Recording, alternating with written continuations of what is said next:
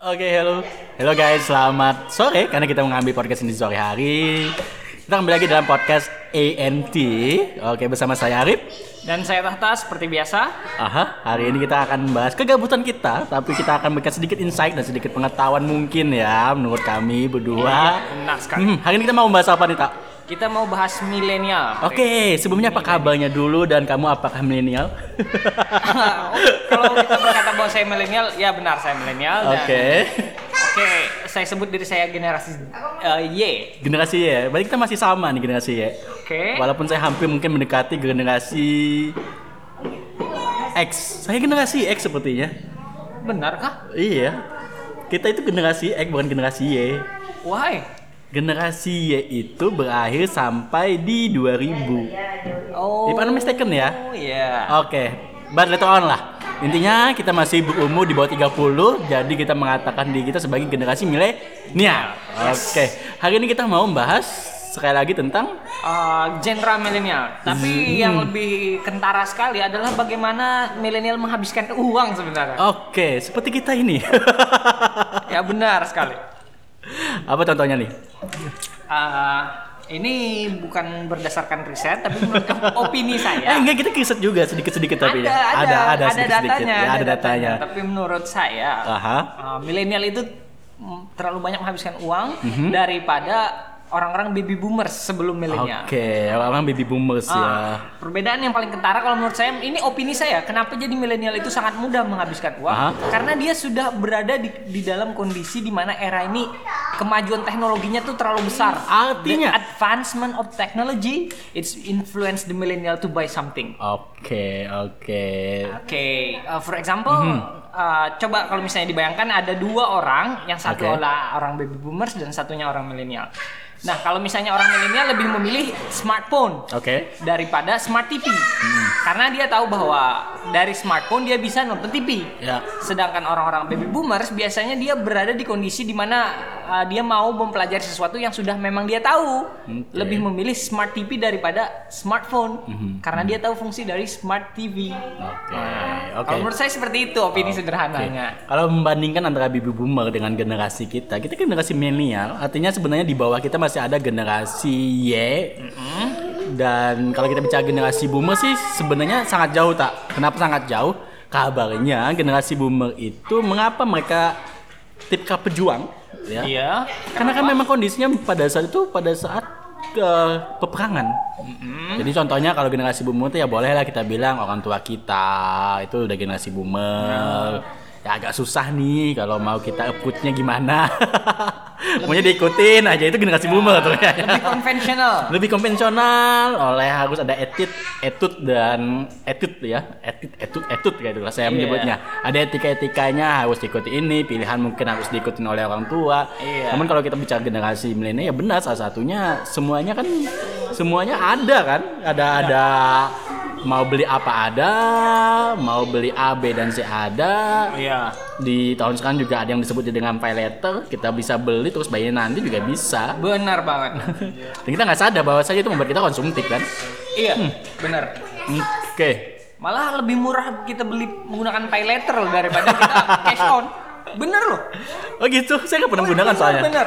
Oke. Coba uh, kemarin kan saya beli oke lah di aplikasi GoGo itu loh. Oke, go go. Oke, Uh, siap. Saya uh, ini beli makanan. Oke. Nah, kalau misalnya pakai cash, itu kita harus bayar sekitar 15.000 Hmm. cash. Oke. Sedangkan kalau yang pakai Go Go Go Go yang Ya, GoGo, yang, ya, oke, yang GoGo. Ray PP itu.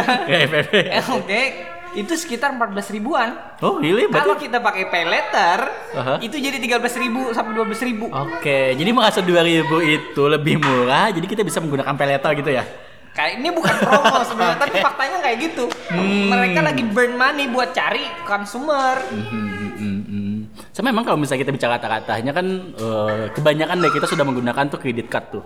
Ya. Gitu. Walaupun saya sebenarnya saya sampai saat ini masih memikirkan apakah saya menggunakan kredit card atau tidak.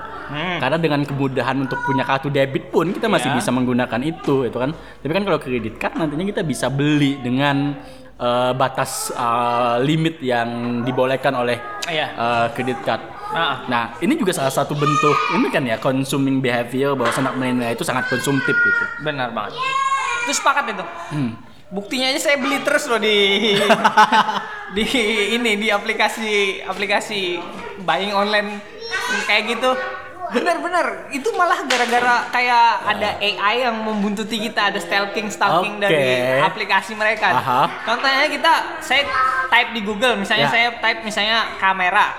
Terus nanti kita buka aplikasi apa pun nanti keluar ads advertisingnya pasti tentang kamera. Oh, hmm, hmm. Kayak data udah dicuri, tapi memang faktanya kayak gitu dan itu juga mempengaruhi uh, ini mempengaruhi milenial untuk membeli sesuatu karena kita sudah ada smartphone, Ah. ada gadget dan sangat mudah diketahui perilaku kita Oke. sebagai milenial. Berarti kalimatnya bukan kita dicuri dong, data kita dicuri, tapi kita membiarkan data Oh, kita iya, benar, dicuri. sorry, sorry. Iya, benar, Iya. benar, Itu bukan pencurian sebenarnya. Iya. Kita sangat rela Iya. memberikan data itu Ah. berhubung kita butuh dan Ah. kita tidak sadar. Sebenarnya kita sadar sih. Kenapa kita sadar pada saat kita mengisi suatu aplikasi pasti ada pom-pom biodata yang Iya, dimintakan. benar, benar, benar, benar. Dan mau nggak mau itu menjadi bahan mereka untuk melacak kebutuhan kita apa sih? Benar sekali. Ah, ah, ah, ah. Sama ini Ah. Ada sebenarnya yang menjadi anak milenial nih semakin membeli membeli barang itu semakin tinggi keinginan untuk beli barangnya itu kenapa? Ada salah satu cara cara marketing strateginya disebut dengan impulse buying. Apa itu? Itu kayak ini kayak kayak ada Black Friday, Oke. promo besar-besaran. Oke. Padahal kita nggak mau beli, beli nih. Oh yang gini-gini ya? Yang 10-10 gitu, Iya, gitu ya? kayak Oke, oke, oke. Dan oke. ternyata malah gara-gara itu jadi kita tertarik buat beli karena promonya besar banget. Hmm. Padahal itu strategi marketing dan kita terjebak. Sebenarnya itu juga yang mempengaruhi sama endorsement sama Hmm. orang influencer-influencer ya, ya internet mungkin yang nasional influencer Oke. kayak brand-brand ternama dan anak milenial tuh sangat loyal terhadap brand-brand ternama. Saya nggak tahu juga kenapa mereka jadi sangat loyal. Ya kita bicara secara pergaulan aja. Oke. Apakah kalau misalnya kita tidak membeli sesuatu di mana teman-teman atau pergaulan kita sekitar itu mempunyai barang A, B, C secara branded dan sebagainya, itu itu ada perasaan kita nggak pomo kah ceritanya atau Iya. gimana? Kayaknya kalau kita ketika membeli Ah. barang itu Oke. dan saya feelnya juga kayak itu kayak Oke. lebih prestisius lah. Oke. Kayak agak confidentnya tambah. Oke. Tapi kan yang kita bahas di sini kenapa jadi kita konsumtif banget? Ya. Karena itulah yang terjadi pada faktanya di circle dan society kita. Hmm, memang mungkin memang beberapa society tidak menerima ya, secara, secara tanda kutip ya, Iya, bukannya tidak tanda kutip. menerima sih. Kita merasa tidak terima kalau misalnya kita tidak uh, mirip dengan mereka. Iya. Kayak Bisa kita ya. sendiri sendiri nggak yakin gitu. Oke, tapi memang benar sih sampai saat ini ya ya mereka juga poin saya bahwasanya sesuatu yang mahal itu pasti enak. Sesuatu yang mahal pasti enak. Yes. Iya benar. enak dipakai, makanan juga enak. Karena Coba. memang Ah. memang secara kualitas juga mereka menjaga itu. Nah, ah, benar juga sih. Kalau saya tanya sama Ah. ah, Arif nih, Ya. ah, lebih milih barang branded atau enggak branded? Eh, saya kebetulan nggak ada punya barang branded. Eh, Maksudnya itu nggak ada dalam artian saya ngambilnya yang eh, kalau masih bisa di toko tersebut itu menggunakan bahasa diskon itu mungkin lebih baik. Hmm. Dan sekarang juga umur saya juga udah lumayan dalam artian saya melihat secara eh, apa ya secara penggunaan saya lagi kepikir untuk eh, menggunakan istilah minimalis. Minimalis. Jadi belilah sesuatu yang memang sangat berguna. Oke. Tapi kalau kita bicara secara makanan, itu Iya. masih saat ini masih sangat susah. Karena kan macamnya berbagai macam, terus dari A, B, dan C, dari berbagai rasa dan ingin coba terus. Ya mungkin ini juga karena kita bicara bicara beli sesuatu kan tidak hanya beli beli konsepnya barang, Iya. tapi bisa beli konsepnya macam-macam lah Makanan. atau juga kita beli suatu kemewahan atau Oke. beri waktu sebetulnya liburan. Satu contoh milenial juga kan? Nah, dan secara riset, secara akademis, ya, Oke. saya sudah baca Akademis nih. ya, oke. Dibaca di mana nih? Ini ada riset Ah. dari si uh, profesor di Instam- Istanbul University Istanbul Turkey. University, oke. Oke, his name is Gavin Orden. Mhm. Kalau bisa kalau penyebutannya benar ya, Ya, ya. Gavin Orden namanya. Dia mengatakan bahwa generasi Y atau generasi milenial itu leb- eh, 30% lebih tinggi konsumsinya daripada generasi yang sebelumnya. Oke, kenapa? Ada Ah. ada jawabannya nggak kenapa? Karena lebih memilih eh, kayak brand-brand loyal tadi. Ya benar karena Um, karena lebih ini lebih konstan untuk endorsementnya dia mudah mencarinya Hmm, lebih hmm, lebih mudah mencarinya itu sih inti dari uh, Eh, riset yang dia lakukan ya. Oke. Okay. Lebih mudah mencari barang karena sudah tersedia semuanya di internet. Iya, iya, iya, iya, iya, iya, iya, iya. Ya. Mm-hmm. Dan lebih royal terhadap ini, terhadap brand yang dia miliki gitu. Oke. Okay. Tapi kalau kita bicara daerah kita kayaknya susah ya. Maksudnya tuh susah kalau uh, kita setia dengan suatu produk. Why? Uh, karena yang pertama adalah eh, ini pandangan sendiri ya namanya ini, pandangan okay. sendiri ini ya. opini bukan berdasarkan riset berdasarkan, bukan berdasarkan riset kalau misalnya sesuatu muncul aja mungkin jenis kopi dan sebagainya kita akan terbawa arus bahwa oh ini lagi booming nih, oh lagi rame nih. Bener banget. Ya udah kita beli trendsetternya. Bener, bener, bener. Tapi kita bukan tipikal uh, kelompok uh, mungkin apa nggak? Kita bicaranya kesukuan atau warga uh, yang menyukai untuk tetap stay untuk satu tempat itu aja atau satu rasa itu aja. Pasti kita akan mencari tempat yang lain atau rasa yang lain. Iya. Mhm. Kecuali memang ya, tapi ini mungkin hanya berlaku untuk yang kita rasa ini harganya kok agak agak lumayan uh, mahal ya. Tapi kalau masih Iya. bisa kita jangkau, kayaknya kita akan masih tetap seperti itu. Bener, bener, bener, bener. Ini kalau misalnya pertanyaan seperti ini, kita langsung bicara praktikalnya aja. Kalau kita bicara harga kopi aja, menurut Tata yang menurut Tata itu harga kopi murah itu yang dari kisaran berapa sih? Bukan kisaran atau Tata menganggap kopi itu premium itu di harga berapa? Uh, yang medium atau yang premium banget? nih? Premium premium ya standar Tata. Kita bicara premium standar aja dulu. Kalau menurut saya sih kalau standar kopi itu sekitar 30 sampai 35-an lah. Itu udah udah mahal gitu ya? Itu udah standar menurut saya. Oh standar bukan bukan mahal ya? Bukan mahal banget, tapi Oke standar. oke. Tapi itu udah average lah. Average ya? Udah average Aha. bukan mahal banget. Hmm. Kalau yang mahal banget tuh ya sekitar 60 ribu, 70 ribu. Oke. Nah itu, itu mahal menurut saya. Hmm, hmm, hmm, hmm. Bagi sebagian orang nggak mahal. Ah, iya iya. saya itu iya. mahal. Oke oke. Tapi kalau yang standar sih 30 sampai 35 Oke. untuk standar. Tapi saya lebih mengkonsumsi yang di bawah 30 sebenarnya. Sesuai budget aja ya? Iya, sesuai budget itu benar tuh. kalau saya mikirnya gini, eh, kopi itu saya banggakan kalau premium itu Hmm. harganya di atas eh, 25 itu saya sudah anggap premium. Benar. Premium. Kenapa premium? Karena kita bisa beli yang non premium Hmm. itu dengan seduh sendiri di bawah 10.000 ribu. Iya. Ah, contoh nih ya, ada yang kopi-kopi ibu Bung, beruntungnya saya nggak terlalu eh, apa ya Ini menyukainya. ya, ini semua- opini bener ini ini opini, opini ya, opini. bukan- bukan- Karena kan bukan pilihan pilihan Pilihan- standar pilihan, premium preference kan, preference masing-masing. Ah, kalau bicara standar premium aja, berhubung beruntungnya saya tidak menyukainya, tidak terlalu suka lah, Iya. tidak terlalu yang hektik eh, ingin terus minum kopi di sana harus sebulan sekali atau bagaimana di salah satu tempat yang kita sebut dengan es gitu, itu kan kita bicaranya agak lumayan kan sebenarnya untuk misalnya kita bicaranya dengan bahasa gini pendapatan atau gaji karyawan di awal itu kan lumayan gitu. Tapi ya ini kan kembali lagi karena berapa orang juga mikirnya oh itu bukan kopi yang benar di suatu tempat. Iya. Kopi yang benar harus seperti ini, seperti ini, seperti Iya. ini. Jadi wajar dibiayai lebih mahal dan beruntung lagi bagi saya kalau bicara kopi, saya cukup minum kopi yang yang mungkin saya rasa enak, tempatnya enak, udah cukup itu aja sih. Udah gitu. Udah. Paham, paham. Oke, So, Oke. apalagi nih tak? Eh, apalagi milenial lakukan nih? Apalagi, Apalagi yang melakukan? Karena kita berkaitan dengan pembeli. Ini kan kita bicara tadi kayak konsumerisme. konsumerisme seorang milenial. bentuk konsumtif yang besar oleh milenial. Milenial. Hmm, hmm, hmm. Apalagi?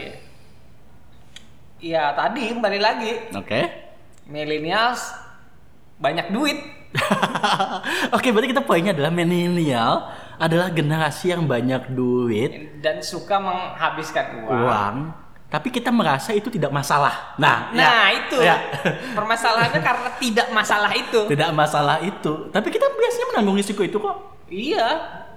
Iya menanggung dalam artian menanggung tapi mungkin nanti di dimarahin orang tua atau apa tapi secara secara yang saya pahami kita sadar bahwa kita konsumerisme dan kita tahu kita mengeluarkan banyak uang tapi satu sisi itu beranggapan bahwasanya itu hal yang wajar kenapa kadang-kala kan saya sudah lelah kerja nih Iya. kan saya sudah lelah A B dan C Iya. dan saya harus ikutin ini saya harus uh, tidak ketinggalan berita makanya Iya. saya harus beli ini Harus berada di, di, di trendsetter ini. hmm, ya mu- Dan mungkin kayak reward terhadap diri sendiri. ya terus sendiri ya Uh, kalau dulu kayaknya nggak ada reward tetap diri sendiri ya Iya, semua investasi. Rata-rata investasi ya? investasi properti bagi Oke. orang tua kita. Bener loh, investasi properti iya orang tua sih, kita tanah, secara rumah. konvensional. Iya. Oke, emas. emas dan tidak pernah ad- bukan tidak pernah ada ya mungkin sedikit yang memasukkan ke saham atau Ya, reksadana ya, ya, ya, karena ya. takut risikonya lebih besar daripada investasi di properti hmm, betul karena in, properti dan emas tuh stabil masalahnya itu Oke. Jadi apa ini conclusionnya? konklusinya adalah millennials eh, secara secara akademis itu Oke, 30 secara akademis. 30% lebih konsumtif daripada generasi sebelumnya sebelumnya, Nah, oke. Yang kedua karena dipengaruhi oleh teknologi. Mhm. Dan yang ketiga karena banyak eh, influencer yang endorse endorse barang dan kita Iya. eh, millennials tertarik. Oke. Dan pada faktanya memang seperti itu. Mm-mm. Oke, kalau untuk Tata sendiri apa kiatnya nih? Kiat lagi. Ya kiat kan untuk menghadapi eh, apa konsumerisme di era milenial lah. Saya yakin di masa depan pasti eh, bentuk konsumeris konsumtif dari millennials ini semakin bertambah. Saya yakin itu. Mhm. Karena uh, advertising, endorsement sama kemajuan teknologi ini pasti pasti maju lagi kan. Oke. Otomatis untuk marketing strateginya pasti berubah dan nanti lebih grow lagi nanti di masa depan. Oke. Untuk kiat-kiatnya kalau menurut saya Hah. karena mungkin harus mikir-mikir duit nah. nah itu kalau mau menghentikan Hmm. bentuk konsumtif ini mikir-mikir duit lebih baik investasi loh. Ya, ya. Ya kalau saya sih gini aja, karena saya kebetulan generasi yang hampir di 30 di mana milenial udah hampir apa ya, berakhir masanya. Kan sampai 35 kalau nggak salah generasi milenial itu umurnya. eh bagi yang mendengarkan ini di umur di bawah 20 atau di bawah 30, hal yang memang baik itu adalah eh, apa ya? eh, we have to uh, what is it uh, to make sure our pendapatan kita lebih banyak daripada pengeluaran. Dan kita sudah mempunyai cadangan. Setidaknya kalau bagi para pekerja itu enam bulan uh, tabungan untuk benar-benar bisa hidup.